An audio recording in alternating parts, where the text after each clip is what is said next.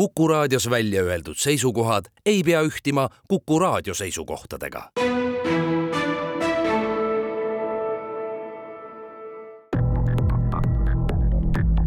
krimiraadio, Krimiraadio tere taas, eetris on Krimiraadio ning ajakirjanikud Raul Ranne ja Karel Reisenbuk. Tänase saate teemaks on kriminaalses maailmas ja eeskätt vanglates kehtiv subkultuur selle kõige erinevamates ilmingutes. teemat aitab lahata rikkaliku kriminaalse tausta ning pikaajalise vanglakogemusega mees Andres Sarapuu, kes on selles samas subkultuuris kirjutanud teatmeteose mõõtu raamatu Vangla riik. tere tulemast Krimiraadiosse! tere, tere! ma alustaks kohe konkreetselt. Meie Postimehe maja lähedal ühe alajaama seinalt saab lugeda pealtnäha mitte midagi ütlevat venekeelset täheühendit AUE. Teie raamatu üks esimesi peatükke kirjeldab, mis selle täheühendise taustaks on. selgitage ka kuulajale. AUE on selline äh, väga tõsine oht, ütleme nii, päris, päris äh, otseses mõttes, me, me isegi ei saa öelda, et AUE on nii-öelda mingisugune kaudne oht, eks.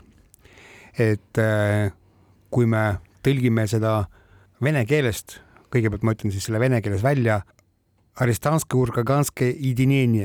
ehk see on siis äh, äh, vangla urgagan on siis nii-öelda termin äh,, slängitermin, eks, arrestant on siis nii-öelda arreteeritu, eks. ja jedinenie on siis ühing, eks. et see on siis nii-öelda äh, arestandi, arestant on siis nii-öelda nagu ment, üldine sõna nagu, nagu ment öeldi vangivalvuri kohta, öeldakse siis politseiniku kohta, kõik on nad mendid, eks, aga arestant on siis vastavalt siis noh, kõik, kes on kriminaal, kes on vanglas olnud, kes on süüdi mõistetud, et kõik nagu kõik kokku nagu nii-öelda. et siis äh, arestandi urgakani nii-öelda liit, eks. ja selles liidus on siis nii-öelda teatud äh, väga konkreetsed subkultuurilised reeglid, aga tavaliselt see AUE on nii-öelda noorte kohta käib, eks. et kui noored nagu tahavad hakata kuskile kuuluma, et siis nemad ütlevad, et nemad kuuluvad sellesse AUE-sse nagu, eks. no eeskätt Venemaal ja eeskätt Venemaa nii-öelda kaugemates provintsiregioonides oli see üsna levinud liikumine. aga sama hästi ma võin öelda, et see oli ka selline noorte noh, mingi moe asi, et seal taga tegelikult reaalselt mingisugust kriminaalset ühendust ei olnud. olen ma õigel teel või, või seal siiski mingisugune selline kriminaalne tegevus oli ka? siin pooleldi õigel teel, pooleldi. nagu kõikidega, eriti noortega, noored tahavad kuskile kuuluda, kuskile noh, ma ei tea, kas olla jalgpallur või siis olla seal maadleja või mis iganes, eks, et ja kui ta nii-öelda ei ole suutnud enda kuuluvust või siis noh, määratleda oma sellist, kus teda nagu pannakse tähele, eks, et kus ta on nagu tähelepanu keskpunktis mingil määral, eks. et siis ta no hakkab seda otsima ja teine asi on see, et me võime, me võime siin fantaseerida mida iganes, et see võib-olla ei ole nii, et äkki on nii, siis mina ütlen, et faktiliselt on nii, et noored tegelikult tahavad käituda mingisuguste väga konkreetsete reeglite järgi, et reeglid on paigas. et kui ma teen seda, siis ma saan seda et kui ma teen vastupidi, siis ma saan noh, vastupidi, eks, et et noored isegi kui nad teavad sellist või siis tunnetavad seda hirmu, et okei okay,, kui ma käitun valesti, et siis ma saan matsu, onju, aga ma saan omasuguste käest matsu või saan matsu selle käest, kes on minu autoriteet, eks, et keda mina, kellest mina nagu pean lugu, siis mul on hea meel nii-öelda matsu saada, onju. et ja siis nemad kujutavad nagu niimoodi ette Eh, et kui nemad kuuluvad sellesse ühingusse, siis tulevad mingisugused vanemad, eks, et mm, noh, seal siis nii-öelda starši, eks, et, et ei ole selles mõttes vanem nagu, et vana äh, ema või isa või, aga tulevad siis nii-öelda selle subkultuuri nii-öelda tõsisemad tegijad ja siis nii-öelda karistavad ära, eks siis nad nagu hoiduvad selle tegemisest ja neile meeldib selle reeglite järgi nagu käia. see on oma olemuselt pättide ja kriminaalide subkultuur. absoluutselt. Andres, teie esimene raamat Purelevad koerad ja. oli teie isikliku elu lugu, siis Vanglariik võtab vaatluse alla kogu vangla subkultuuri. milleks see raamat? milline neist? Vanglariik, viimane. no ütleme niimoodi, et võib-olla mitte kõigil toimub elus selline mingisugune nii-öelda illumination ehk siis valgustatus või, eks. Et äh, minul käis ikkagi peas see mingisugune nii-öelda noh, sähvatus või valgustatus ära, et et isegi, isegi kui ühiskond tõugab mind e, isegi kui ühiskond tõukab mind eemale, siis mind see ei huvita, mind huvitab Eesti rahvas et las venelane muretseb oma venelaste eest, las soomlased muretsevad oma soomlaste eest. mind see ei huvita, neil on seal omad inimesed, kes seal äh, enda rahva eest nagu hoolivad või siis äh, mõtlevad või siis muretsevad või äh, mina olen eestlane ja mina tahan, et Eesti rahva eest nagu, nagu Eesti rahva jaoks nagu mõelda, kui, kui, kui ma saan nii palju nii-öelda oma mõistusega autoriteeti nagu pakkuda, eks, et ja mida ma, mina saan teha nagu, on see, et et inimesed saaksid aru. ehk siis ma kohandasin selle raamatu niimoodi, et oleks loetav nii tavalugejale kui ka näiteks Sisekaitseakadeemia tööd siis tudengile, eks. et, et siis, kui inimesed loevad, nad saavad nendest asjadest teada, siis on nad nii-öelda ohuallikatest teadlikud kuidas see kujuneb, kui pikka aega see kujuneb, miks see kujuneb. ja pigem oli siis nii-öelda seda, et, et näidata kogu see kogemus ära kogesu, kogu see kogemus ära, nii et kui inimesed võtavad lahti, siis nad hakkavad noh, nii-öelda kas mingisuguseid seoseid nägema ja suudame seda kriminaliseerumist nii-öelda eemal hoida oma rahva seast. see on see mõte. umbes aasta tagasi just nimelt, kui me selle Äh, raamatu kirjutamise plaanist veel rääkisime, siis tuli jutuks, et, äh, et selle lugejaks võiksid olla äh, just nimelt Sisekaitseakadeemia kas politseitudengid või, või tulevased vangivalvurid. kuivõrd seda huvi on nüüd tuntud? Pigem ma arvan, et hetkel on see probleem, et ma olen oma öö, nende teiste ülesannetega nii kõvasti hõivatud, eks, et ma öö, ei ole nii-öelda suutnud teha sellist adekvaatset teavitustööd ja sellepärast ma saan öelda, et, et hetkel on huvi väike, eks jah, mul on seal mingisugune kolmsada raamatut vast on juba, kolmsada raamatut, päris kolmsadat vast ei ole, no ütleme niimoodi, kolmsada raamatut on juba turul, turul nii-öelda ära ostetud. Et hetkel see huvi nii suur ei ole. aga, aga ma usun, et see huvi võib siin paari aastaga kasvada aga kas võib öelda, et mingis mõttes on see raamat ikkagi nagu järelehüüdeks äh, nähtusele, mida Eestis ja siinses vanglasüsteemis tegelikult enam ei eksisteeri? Äh, absoluutselt, äh, just see niimoodi ongi, et kui, kui raamatu lugeja, kui raamatu lugeja, raamat on jaotatud kolme ossa, kui raamatu lugeja võtab esimese ees, eesmärgiks selle esimese osa kohe läbi lugeda siis äh, ta saab kohe aru, et see tegelikult see subkultuur, see nii-öelda varga subkultuur tekkis äh, äh, mingi väga konkreetsel põhjusel. Väga,, väga-väga-väga konkreetsel põhjusel, see, see ei ole lihtsalt niimoodi, et ah, kuule, et ma mõtlesin, ah, kuule, et võiks nagu tekkida, ei, see ei ole, see on väga konkreetsel põhjusel. kuigi seal on kolm eri versiooni, miks see tekkis, aga see põhjus on ikkagi üks, nii-öelda Nõukogude Liidu vastane tegevus. kogu varga subkultuuri põhimõte oli Äh, Nõukogude Liidu nii-öelda vaenulik tegevus on ju. Äh, näiteks äh, üks, üks, no tegelikult seal on hästi palju neid paralleele toodud, aga üks väga konkreetne, sa ei saanud kunagi vargaks või platnoiks siis, kui sa olid, olid Nõukogude Liidu ajal tööl käinud, eks, et see tähendab seda, et Nõukogude Liidu ajal kõik töö tehti riigi heaks eks, kõik olid riigi nii-öelda ettevõtteid ei olnud, eks. et kui sa olid juba nii-öelda Nõukogude Liidu jaoks tööd teinud, kõik, sa ei saa enam mitte mitte kuskile tasemele sa ei saa nii-öelda varga subkultuuris tõusta nagu, eks. muidugi pärast see nii-öelda hakkas nii-öelda kaasajastuma, kaasajastuma, muutus teistsuguseks. Ja siin siis tuleb vaadata, äh, kui hakkavad tekkima mingisugused subkultuuri ilmingud, eks see tähendab seda, et riigis on midagi väga pahasti, eks, et oma rahva seas eks, et see on nagu see üks põhimõte, et me, me ei saa kõiki asju nagu nagu otse võtta, on ju, et näed, et, äh, et oli selline subkultuur, et meil sellist subkultuuri enam ei teki ja sellise ei teki, aga tekib teistsugune, eks, et äh, vahet ei ole, eks, et ma teen ettepaneku jätkata nii-öelda subkultuurist üksikasjadeni rääkimisega pärast väikest pausi. krimiraadio, Krimiraadio krimiraadio jätkub, saate külaliseks on Andres Sarapuu ja teemaks kurjategijate subkultuur. no saate alguses sai osutatud teie kuritegelikule minevikule ja vanglakogemusele. täpsustaks üle, kui pikk on olnud teie vanglastaaž, kui pikk on olnud teie kuritegelik karjäär? seitseteist aastat, üks kuu, eks.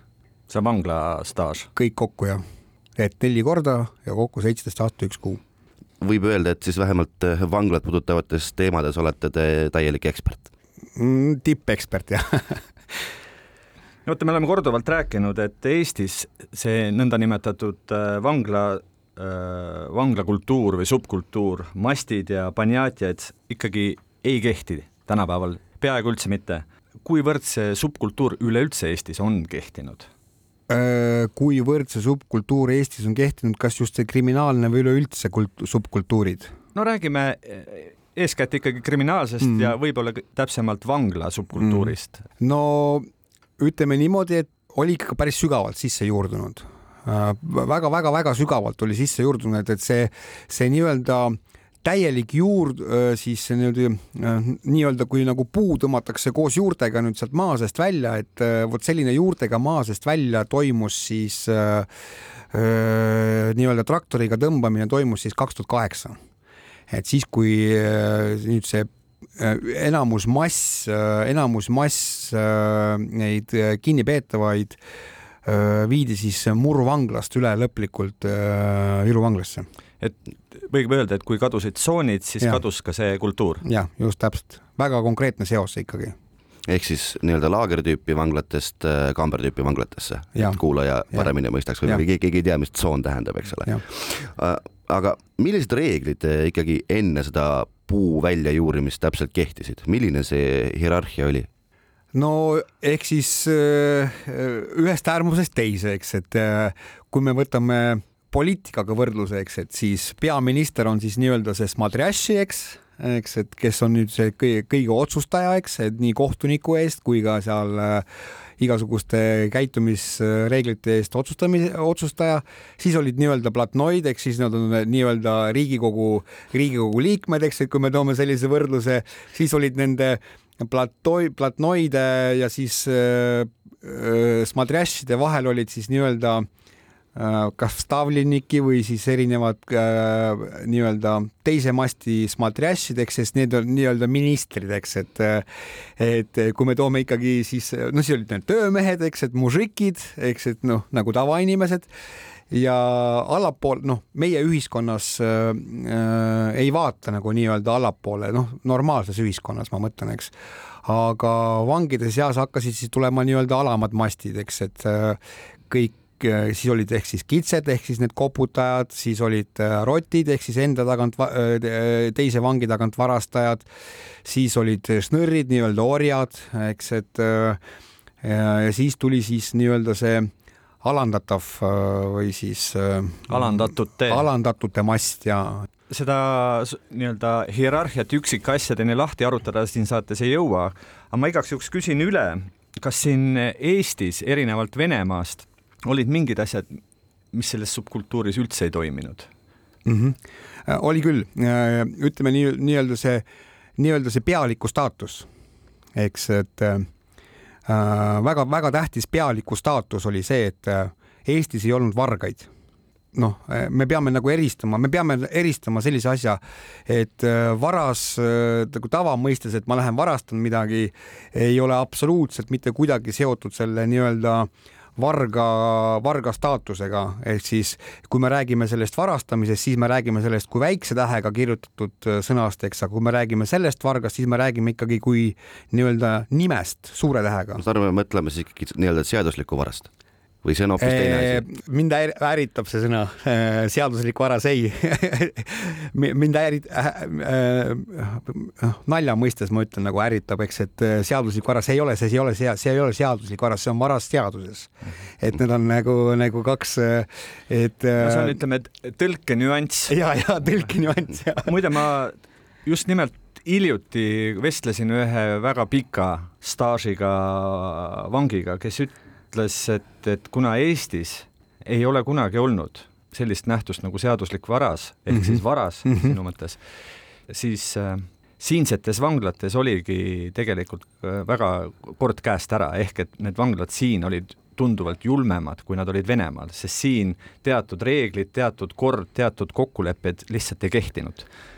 nii ja naa, ütleme nii ja naa, ikkagi üldjoontes, üldjoontes ikkagi oli kord äh,. Äh, kuna minul see nii-öelda staaž algas siis üheksakümne viiendast aastast, eks, et äh, siis äh, ma ikkagi üritan nagu objektiivne olla, eks, et äh, oma raamatus tõin ka sealt ühe, ühe siis nagu Eesti Ekspressist vist oli või Postimehest oli seal mingi artikkel, eks, et kuidas keegi, keegi vang äh, istus ja siis ta tegi nii-öelda oma selle kirjutise siis lehe jaoks nagu, eks, et kuidas seal vangis nagu käitusid, eks, et kuidas vangid käitusid, et ta, äh, et tema tõlgendas seda, kui nii on, noh, ütleme, et platnoid tegid nii, et oli see ja see, kui mina seda lugesin, siis ma nägin konkreetselt, et see oli nii-öelda Bespredel, et sellise Bespredelli eest need inimesed, kes talle seda tegid, oleks kindlasti nii-öelda vastutanud äh, Äh, vastutanud tsoonis oma tegude eest, kindlasti. See on nagu, see on nagu nui neljaks, et vahet ei ole isegi, kui tema ei oleks sellest kellelegi rääkinud, et minuga nii tehti, aga kui keegi oleks rääkinud, et näed, et seal kambris inimesed tegid sellele inimesele niimoodi, nad oleks kindlasti vastutanud selle eest. ja noh, et siin on see objektiivsuse küsimus, eks, et kui me, kui me ikkagi, kui me läheneme ikkagi selle küsimusele objektiivselt, siis tegelikult äh, äh, kord oli ikka suhteliselt majas, eks, et kui laagrid, kui laagri tüüpi vanglas nii väheste valvuritega nagu tol ajal oli, ei oleks need reeglid paigas olnud, siis oleks, see oleks väga julm korralagedus, väga julm korralagedus oleks olnud. et äh, me olime veel väga heas seisus. Öelge, kas meie vanglasüsteemis ja kuritegelikus maailmas äh, räägitakse nii-öelda vanglakeelt ehk siis feeniat? No tänapäeval vähem muidugi, tänapäeval vähem, kõvasti vähem, oluliselt vähem, aga ikkagi termineid, termineid kasutatakse öö, mingil määral, kuigi neid termineid kasutatakse tihtipeale tänapäeval juba valesti, eks, eks, aga ütleme niimoodi ja mitte tihtipeale mitte eesmärgipäraselt, eks, et võib-olla lihtsalt nii-öelda alandamiseks, eks, sõnadega alandamiseks, et, et kui noh, toon lihtsa näite. kui varem oleks keegi kellelegi öelnud kukk, eks, ja see inimene, kellele seda öeldi, ei ole kukk, et siis oleks tõenäoliselt läinud nugade peale. tänapäeval mm, kui keegi ütleb kellelegi kukk ja tema on, ütleja on nii-öelda füüsiliselt tugevam, eks, et siis noh, sellele ei järgne mitte mingisugust vastutust nii-öelda, et noh, alandas ja alandas, et tema peab siis nagu alla neelama selle. Et, et väike, väike selline muutus on toimunud, et terminoloogiat ja feenat kasutatakse mitte eesmärgipäraselt, eks. ma ikkagi panen tähele, et sinu enda tekstis, kui sa räägid nendest vangla asjadest, tuleb sekka sõnu, noh, mis on pärit sealt Feeniast ja, ja, ja mis seal salata, su see viimane raamatki on äh, paljuski selline kakskeelne, et ta on terve rida äh, tõlkimatuid vangla väljendeid mm. -hmm. ma saan aru, et ongi see on... terve hulk sõnu, mida lihtsalt ei olegi võimalik eh, kuidagi tõlkida. ei olegi, ei olegi, täpselt nii ongi, selle noh, ei olegi lihtsalt, see sõna on nii ja ongi kõik, ei olegi võimalik tõlkida. Eh, tuleb lihtsalt see selgitus anda, mida see sõna tähendab ja. enne kui pausile lähen, ma küsin üle, vaata seesama vangla hierarhia, kogu see mastide süsteem, kõik need sealsed vahekorrad, kes kellele allub, kes kellele mida võlgu on, kuivõrd pärast vanglat see kõik nii-öelda vabadusse kaasa tuleb? oi, see on nii vastik. see tuleb kõik kaasa. kõik Ände. tuleb kaasa, absoluutselt kõik tuleb kaasa. ja ütleme isegi, kui mina olen, kui mina võtsin siis kaks tuhat kümme, kaks tuhat kümme, üheksa, kümme, võtsin, kümme, kümme, äh, võtsin otsuse vastu äh, teatud põhjusel, eks, et mina enam selles, selles jamas nagu üldse mitte kuidagi ei taha ei osaleda ega mitte kuidagimoodi, siis äh, praegu on sellest nii-öelda kolmteist pool aastat möödas ja mul on äh, siiamaani mõned reageeringud, ma tean, et nad tulevad sealt, eks, et äh, ja siis ma pean nende reageeringutega nagu neid tähele panema, peatama ja siis nii-öelda kõrvale lükkama ja võtma siis nii-öelda mõtestatult teistsuguse käitumisotsuse vastu nagu. aga teeme siin väikese pausi. krimiraadio, Krimiraadio stuudios on ajakirjanikud Raul Ranne ja Karel Reisenbuk ning äh, stuudiokülaliseks on Andres Sarapuu. meie jutu teemaks on täna vanglate kadunud subkultuur. no me enne pausi otsapidi juba puudutasime seda teemat, et sa võtsid vastu otsuse sellest äh, maailmast välja astuda. miks, see kõlab küll natuke rumala küsimusena, aga miks ikkagi see otsus tuli, et sellest nõiaringist välja astuda? põhjuseid oli palju tegelikult, põhjuseid oli palju aga mingisugused, äh, mingisugused põhjused, mis on nagu hästi teravalt, äh, mis kohe tulevad nagu pähe, et kui ma hakkan mõtlema, muidugi ma võin need kõik loetleda, eks, et aga, aga mingisugused peamised põhjused, et kui ma suren, mida mu poeg minust arvab, eks. teine asi, ma mõtlesin, et kui minu pojale keegi müüb narkot, siis ta, ta peaks olema õnnelik, kui ta vanglasse jõuab eks, et ma teda enne maha ei löö. ja siis ma hakkasin mõtlema, et aga kurat, kui paljud isad mind taga ajavad. ja oligi kõik, et äh, äh, selline väike mõtte, mõttelõik, mis äh, pähe tuli, eks, et siis ma mõtlengi, et, et mul on nagu mitu inimest, kellele ma tahaks kätte maksta, julmalt tahaks kätte maksta, noh ikka noh, ikka väga julmalt, eks, et tahaks kätte maksta ja siis äh, samamoodi kui paljud inimesed tahavad mulle kätte maksta ja kui ma olen, noh, mina olen valmis, kui mulle tahab keegi nagu mingisuguse nii-öelda etteheite teha, võtame siis keegi isana ütleb, et kuule, et näed, et äh, ma tahaks andeks saada ja ma ei hakkaks tega, ma ei hakkaks temaga isegi vaidlema mitte, eks, et jah, ma tean, et ma tol ajal tegin halvasti, et võib-olla, võib-olla tema laps sai minu narko pärast nagu nii-öelda kahjustada, eks. et mul ei ole midagi vaielda siin selles, noh, selles, siin ei ole vaidlusküsimust, eks.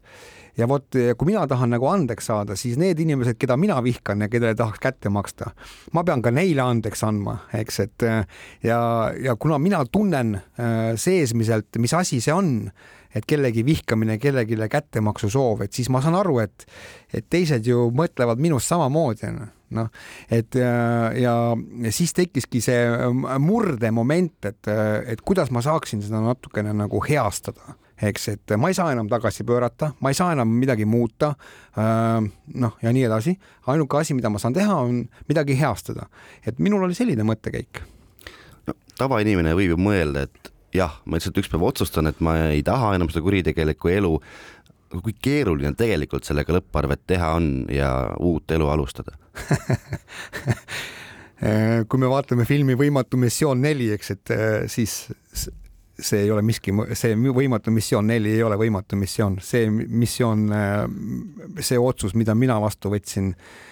Äh, no seal ei ole sõnu lihtsalt, vot seda ma ei oska kirjeldada, see on väga-väga raske see on, see on nii, see on nii üliraske, sellepärast et äh, kui sul see ärevus, äh, kui sul see ärevus, need reeglid, äh, need reeglid, mis toimisid tegelikult su elus, eks, et nad ikkagi sinusse nagu sisse juurduvad, eks, siis neid nagu endast välja rebida, noh, suht võimatu. Ja teine asi on muidugi, teine asi on muidugi nii-öelda kiire rikastumine, eks, noh, narkosõltuvused, kõik sellised asjad see on nagu, see on nagu tohutu, tohutu keeruline protsess ja võin kohe öelda, võin kohe öelda, et see protsess ei saa elu lõpuni läbi. Et see protsess käib kogu aeg, sa pead kogu aeg nagu olema nii, ahah, ahah, see on mu vana käitumine, niimoodi ma ei tohi mõelda, ma pean ümber mõtlema või ma pean järele mõtlema, et see protsess käib kogu aeg niimoodi. siin teie vastas istudes muidugi ei jää märkamata äh, need kirjud käed, tätoveeringutes kirjud käed, kus kogu see kriminaalne minevik ja vangla äh, on kenasti kirjas.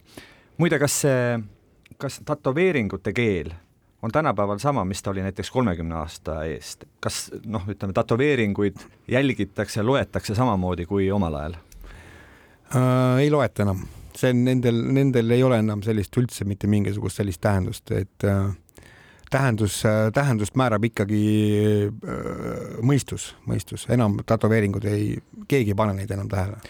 ja ometi on terve rida inimesi, noh, kes omal ajal on samuti vanglas kinni istunud ja kes oskavad neid lugeda mm. -hmm kuivõrd keeruline on neid inimesi endast eemal hoida, kes noh, näevad teid, ilmselgelt tunnevad ära nii-öelda vangla tätoveeringud ja no ma ei tea, tahavad juttu teha, tahavad mingisugust kogemust jagada, võib-olla ka kampa tõmmata mingisugusesse äh, tegevusse haarata?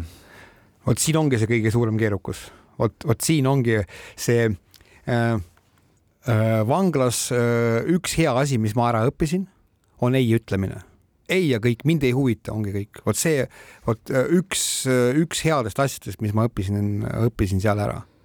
noh, tegelikult seal ei olegi muud pääsu, kui sa tahad ikkagi, kui sa tahad ikkagi nii-öelda mõistusega ellu jääda või siis äh, nagu moraalselt äh, enam-vähem püsima jääda, sa pead ei ütlema. ja see ei ütlemine see ei tohi olla niimoodi mämmutamine, ei ja kõik ongi, ongi jutu lõpp, eks, et äh, ei lasegi ligi endale, ei hakkagi üldse rääkima, ei, ei lasegi endale ligi üldse mitte kuidagimoodi, mitte mingisugust null šanssi, null šanss nende inimestele nagu endale lähenemis, vahet ei ole, kas ta tahab seal mulle raha anda või tahab koostööd teha, mida iganes, mind ei huvita, ongi kõik ei ja kõik sellepärast nagu ma olen öelnud, et nagu ma olen öelnud, et, et kui on nii-öelda mingisugune ettevõte noh, ütleme seal keskmise suurusega ettevõte, vang tahab tööle tulla, siis see ettevõtja vaatab, oi, kuule, et vang tahab paraneda, et võtaks ta tööle, eks, et eh, anname talle võimaluse, mina ei annaks. Mina ei annaks, sellepärast et mina tean, kuidas vang mõtleb, eks, et mina ei annaks mitte null šanss, eks, et eh, vot see ongi see erinevus, nemad natukene ei tea, mina tean, eks, et eh, et nemad on natuke nii-öelda Äh, profaanida, eks, et selles küsimuses, eks, et no nemad võib-olla annaksid, aga kuna mina tean nii väga hästi ja võib-olla liiga hästi, siis äh, minul on palju raskem talle seda võimalust anda. ma pigem ütlen ei, sellepärast et äh, miks mina ütlen ei? vaata, point on selles, et kui mina ütlen neile jah, kui mina just nimelt isikuna, siis nemad hakkavad arvama, oo, vana vang sõps ja hakkavad nii-öelda sõbrunema minuga, kuigi ma seda ei taha ja aga vaata, kui on väljas inimene, kes pole kunagi kinni istunud, pole kunagi selles sees olnud, nemad temaga ei hakkagi üldse sõbrunema, mina olen nii-öelda selles mõistes äh, äh nõrgemas seisundis, eks, ja nemad hakkavad mõtlema, oo, kuule, ta vana vangina võttis mind tööle, eks, et, et hakkan kohe seal püüdma mingeid sõbrunemis, lähenemiskatseid teha, onju. noh, ja ma pean siis kogu aeg nagu nii-öelda sõdima hakkama temaga, sellepärast mitte, eks mainisite korra siin ka sõna sõprus ja tahavad äh, sõpsideks saada. kas kuritegelikus maailmas üldse eksisteerib selline suhe nagu sõprus? ei, kindlasti mitte. aga usaldus äh, ei, ei, ei, kindlasti mitte. et äh, äh, mitte ühtegi pätti ei tohi usaldada, ütleme niimoodi, kes on nii-öelda aktiivne, aktiivne pätt, eks siis äh, sõprus kestis nii kaua, kui üks võis teisele kasulik olla, kõik ütleme nii. et on ainult huvid ja, ja äh, kuriteokaaslased, aga mitte sõbrad ja mingi sõprus. jah, just. Te, te kirjeldasite uue elu alustamist kui võimatut missiooni, ülimalt keerulist ettevõtmist. no kui teie lähete äh, kuhugi firmasse, kus vastas ei ole keegi, kes on varem äh, vangis olnud ja kes kohe tagasi ei saada, aga ütleme, tavaline firma, ja te loete oma, ausalt oma mineviku ette, nii-öelda CV, mis vastus tavaliselt seni praeguse kogemuse järgi noh, tuleb sealt? no ütleme niimoodi, et äh, kui mina tulin välja, siis äh, paraku mind võeti igale poole tööle, kuhu ma tahtsin, eks noh, mul ei olnud mingisuguseid mingi ulmesoove, eks, et ma äh, viimase karistuse aeg õppisin kokaks ja läksin kohe tööle siis kokana eks, et äh, mul ei olnud sellepärast sellest, selles äh, teemas nagu takistusi, siis äh, mingi aeg ma töötasin ehitusettevõttes nii-öelda transportöölisena, seal ka mul ei pidanud kaua otsima, võeti tööle, eks, eks, et ütleme niimoodi, et mul on lihtsalt vedanud, eks, ja no lihtsalt vedanud, aga äh, kui mulle öeldaks, isegi kui mulle lihtsalt otse näkku öeldaks, sorry, et äh, ma ei saa sind tööle võtta, sest et ma ei usalda sind, ma mõistaks. Äh, noh, oleme objektiivsed, ma peaksin mõistma, see on nagu mõistlik, äh, mõistlik inimese nii-öelda kahtlusi, kahtlusi ja sellist usaldamatust nagu arvesse võtta, sellepärast et minu minevik, eks, ongi kõik seitse aastat olete te nüüd vanglast väljas olnud kui keeruline veel tänagi on hoiduda mingist sellisest, ma ei tea, kerget raha tõotavast äh, kuritegelikust teemast, ma ei tea, on need siis kaklused, narkootikumid, ma ei tea, alkohol? no minul enam ei ole keeruline, ma olen sellest, äh, mina olen sellest nii eemal, nii kauge, et äh, kui ma kunagi nagu tegelesin äh, nii-öelda narkovarustamisega, tarvitasin narkootikume, siis nii-öelda äh, käisid tänava peal ringi ja vaatad, inimene tuleb, said kohe aru, kas nüüd, et äh, noh, noh, naarik on ju, või siis äh, nagunii kau-, see on nagunii kaupleja, eks, et noh, tundsid nagu käitumise järgi kohe ära, sest sa nägid neid inimesi hästi palju ja nii-öelda koer tunneb ikka koera ära või noh, selle, selle loogika järgi. eks, et kui mina tänapäeval nagu väljas käin äh, kuskil linna peal või ma ei näe siukseid asju üldse üldse ei näe, ma isegi ei näe, et kes võiks olla narkomaan või kuigi ma tean, et see probleem on, kui ma õppisin Tartu Ülikoolis äh, juuratudengina, eks, et siis veel kaks tuhat kuusteist, seitseteist oli see statistika, kaheksateist oli see statistika veel suurem. Äh, see narkotarvitamise probleem oli veel suurem kui kaks tuhat üheksa, eks, et, et aga mina ei näe täna, noh, ma ei näe seda, ma ei näe seda, ma ei tea, ma ei puutu kokku selliste inimestega, kes, kes võiks mind, kes võiks mind kaklema tõmmata või noh, ma olen tõsiselt kaugel eemal sellest juba jah. aga teeme siin korra veel ühe väikese hingetõmbepausi. krimiraadio, Krimiraadio. Krimiraadio jätkub, stuudios on ajakirjanikud Raul Ranne ja Karel Reisenbuk ning külalisena Andres Sarapuu, kes on paljus oma isiklikele teadmistele ja kogemustele tuginedes kirjutanud raamatu kuritegelikust subkultuurist Andres, te olete teinud oma kogemuste vahendamisest ja vanglamuljete rääkimisest äh, nii-öelda väikese sissetulekuallika.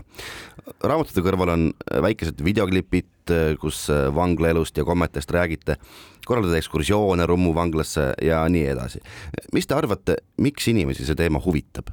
No erinevad põhjused, äh, ütleme koolid, koolid käivad äh, siis preventsioonis, üldpreventsiooni mõistes, eks ennetamis, ennetamistööd teevad, kui ma käin koolides esinemas, siis äh, minu need esinemised on natukene, natukene sellised noh, teistsugused, ütleme nii, eks, et ma ikkagi ütlen inimestele seal otse asju välja, eks, et ja vahest ongi, vahest ongi nii-öelda äh, siis preventsiooni mõistes ehk siis ennetamise mõistes on siis äh, vajalik äh, teravamalt, äh, ausamalt ja otsekohesemalt mingisugustest asjadest rääkida, noh, noortele näiteks, eks.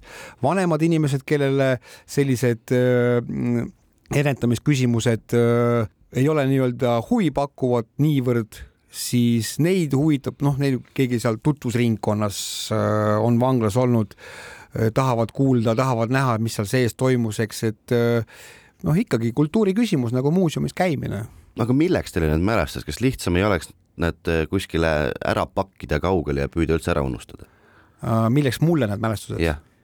no esim... uuesti ja uuesti neid esitada, samal ajal kui te ütlete, et noh, üritate võimalikult kaugel kõigest sellest olla.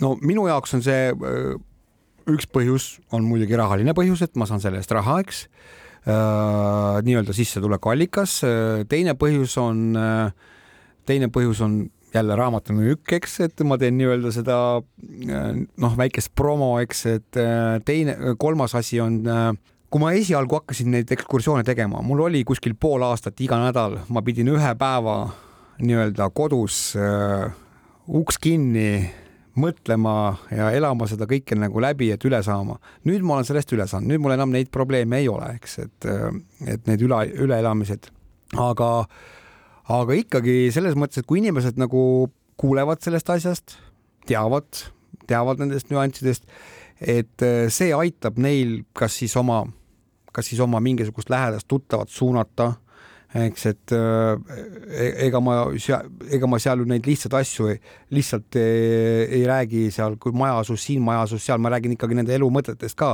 et näiteks äh, toon seal selliseid äh, konkreetseid võrdlusi, milleni võisid viia ebatsensuursete sõnade kasutamine. noh, ebatsensuursete sõnade kasutamine täiesti tõenäoliselt viisid kakluseni, eks, või siis löödi mingit luud puruks või äh, tänapäeval siin väljas inimesed kasutavad selliseid sõnu nagu paremale-vasakule, eks, et aga tol ajal see oli nagu no raskete tagajärgedega, ütleme nii. enne mainisite, et kui te vanglas midagi olulist õppisite, siis see oli ei ütlemine. kas oli veel midagi või, või on midagi, mis vangla kogemusest nüüd tänapäeva vabas elus või praeguses vabas elus nagu kasuks on tulnud? ja on, muidugi on, muidugi on.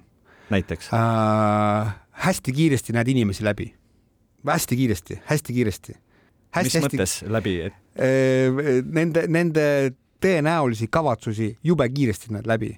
et, et noh, minul endal on mingisugused teatud sellised mingisugused automaatsed käitumismaneerid, mille järgi ma saan jube kiiresti nagu aru, et mis kavatsused sel inimesel tegelikult nagu on, eks. Andres, mis oleks kolm sellist, ma ei tea, võib-olla raudkindlat reeglit või pidepunkti, millega uue elu puhul pead arvestama? Kolm peamist reeglit, aga nüüd ma küsin, et kas nüüd vanglast välja tulles, kas vangile need kolm reeglit või kellele? no kolm reeglit ikkagi, et siin elus hakkama saada ja mitte ära vajuda ja mitte sellele kuritegelikule teele tagasi kukkuda. mingisugused pidepunktid. no kolm asja, mis mind aitavad. Äh, ma ei tea, kas ma nüüd ütlen need õiges järjestuses, eks, aga kolm asja. et mitte mingil juhul ei tohi mitte midagi teha seadusevastast et äh, mitte mingil juhul, noh, mina tunnen seadusi, ma, ma tean juba automaatselt, ahah, mis asi on nagu seadusevastane, mis asi on mitte seadusevastane. et näiteks kui ma praegu oma ettevõtlusega tegelen, loomulikult mul on teadmised, kuidas kriminaalses maailmas võiks mingisuguseid asju teha, et ma saaksin oma võlgadest kohe lahti. nui neljaks, mis tahes juhtub, mis tahes, vahet ei ole. aga, aga sinna tagasi kindlasti ei lähe. see on nagu minu üks selline äh, nii-öelda raudne reegel, eks, et äh, ma ei taha oma pojast nii-öelda eemalduda, ma ei taha nii-öelda enda ees, enda ees nagu näoga porri kukkuda, eks. teine asi on äh, ära vihka inimesi. inimeste vihkamine, see on, äh, vahest tahaks, vahest tahaks eks mul on endal ka paar sellist nagu vihavaenlast nii-öelda, kes mind kunagi mõnitasid hästi kõvasti ja ma pean sellega võitlema ja mind aitab see, et ära vihka inimesi ei ole vaja inimesi vihata. ja kolmas, kolmas reegel, ära ole ahne, eks, et äh, sa saad täpselt äh, nii palju, kui sa jõuad kanda, eks et kui mõni arvab, et oo, võiks loteriiga võita seal miljardi, eks, et usu mind, see miljard tõmbab sind põhja. on, sa ei jõua seda, sa ei jõua seda miljardit kanda sellepärast et äh, sa ei tea, kuidas selle miljardiga toime tulla, et sa saad täpselt vastavalt oma võimetele, ära ole ahne, ei ole vaja ahne olla. kui sa oled väärt rohkem, teed rohkem tööd, saavutasid edu, väga hea, ole rahul sellega, mis sul on, ära ole ahne. kuidas teile tundub, kas äh, riik saab või peab olema abiks neile, kes tulevad vanglast välja ja proovivad uutmoodi elama hakata? Või on see ikkagi igaühe enda asi oma elu ja oma saatusega hakkama saada? mina arvan, et peab. sellise lihtsa näite toon. inimesed ütlevad, sa vastikvärdjas vana vang, sa vastikvärdjas vana vang, kurat, jää oma kuradi nende kingsepp oma liistude juurde, aga mida sa siis saavutada tahad? mida sa siis saavutada, kui ma jään oma liistude juurde, ma ju, ma ju ei saa sulle garanteerida, et homme just sina ei ole see, kes saab sinu käest, minu käest kaikaga vastu pead, onju. ja ma ei tee sind tühjaks või ei röö-, noh ei röövi sind paljaks või ma ei tea, ei varasta sind tühjaks. et, et ma saan aru, et ühiskonnas on mingisuguseid probleeme ja ei, ei ole ühtegi nii-öelda ideaalset ühiskonda, eks ja mina leian ikkagi, et tegelikult äh, nii inimesed kui ka ühiskond ja kui ka riik peaksid tegelikult sellesse panustama. Äh, teine äh,, sellel on mitu põhjust, üks põhjus on see, et, et tänapäeva vang jääb nii-öelda peamiselt juurviljaks, eks mis tal on seal tehtud? linad pestud, riided pestud, tuli põleb, magada saan, süüa saan ja ta tuleb välja opa, aga siin ma pean selle jaoks tööd tegema, aga ma olen neli aastat, äh, neli aastat, viis aastat, kümme aastat äh, nii-öelda naride peal vedelenud, et mul äh, need, need oskused nagu nad, nad natukene nii-öelda manduvad. tuhmuvad ja manduvad ja just, just, eks, et tuleks küll ja mina leian, et neid põhjuseid, miks tuleb neid vange aidata või siis suunata või siis äh, noh, konkreetselt nendega tegeleda, see on nagu prioriteet number üks. aga ise? mis ise? kuivõrd, kuivõrd on enda vastutus oluline? ja see ongi nii-öelda andja ja selle saaja vastutus ja muidugi, et äh, minule on antud ühiskonna poolt miskit, äh, mina kasutasin väga edukalt äh, siis või siis seaduslikke vahendeid nii-öelda selle sotsiaaltoetuste saamisteks ja mina olen selle eest riigile väga tänulik. Äh, teine asi, mis nüüd selle, mis nüüd selle muutuste juures tekkis, et mina olen näiteks riigile väga tänulik, et riik võimaldas mul koolis käia vanglas, saada haridus kätte, eks, et äh, võimaldas mul avavanglasse minna, võimaldas avavanglast nii-öelda kooliteed äh, nii-öelda saada see nii-öelda haridus, ma olen tänulik selle eest. et äh, mõni võib öelda, et oh, kuule, et riik ongi kohustatud, seaduses on nii kirjas, eks, ta peabki andma, ei pea eks mõned inimesed elavad vanglates siiamaani nendes nii-öelda maa sees sisse kaevatuna on ju, trell on peal, ongi kõik seal kuskil Aafrika riigis, vaesemas riigis, ei pea. et äh, ei ole niimoodi, et kõik, keegi sulle miskit peab, eks sa pead ikkagi oskama seda vastu ka võtma, tänulik olema sellega on Kevadhooaja viimane Krimiraadio lõppenud. täname kuulajaid ja täname ka saatekülalist Andres Sarapuud kes siis tutvustas meile seda hämarat maailma, milles elavad ja tegutsevad kurjategijad. Vestlust juhtisid ajakirjanikud Raul Ranne ja Karel Reisenbuk ning järgmine Krimiraadio juba uuel hooajal. krimiraadio, Krimiraadio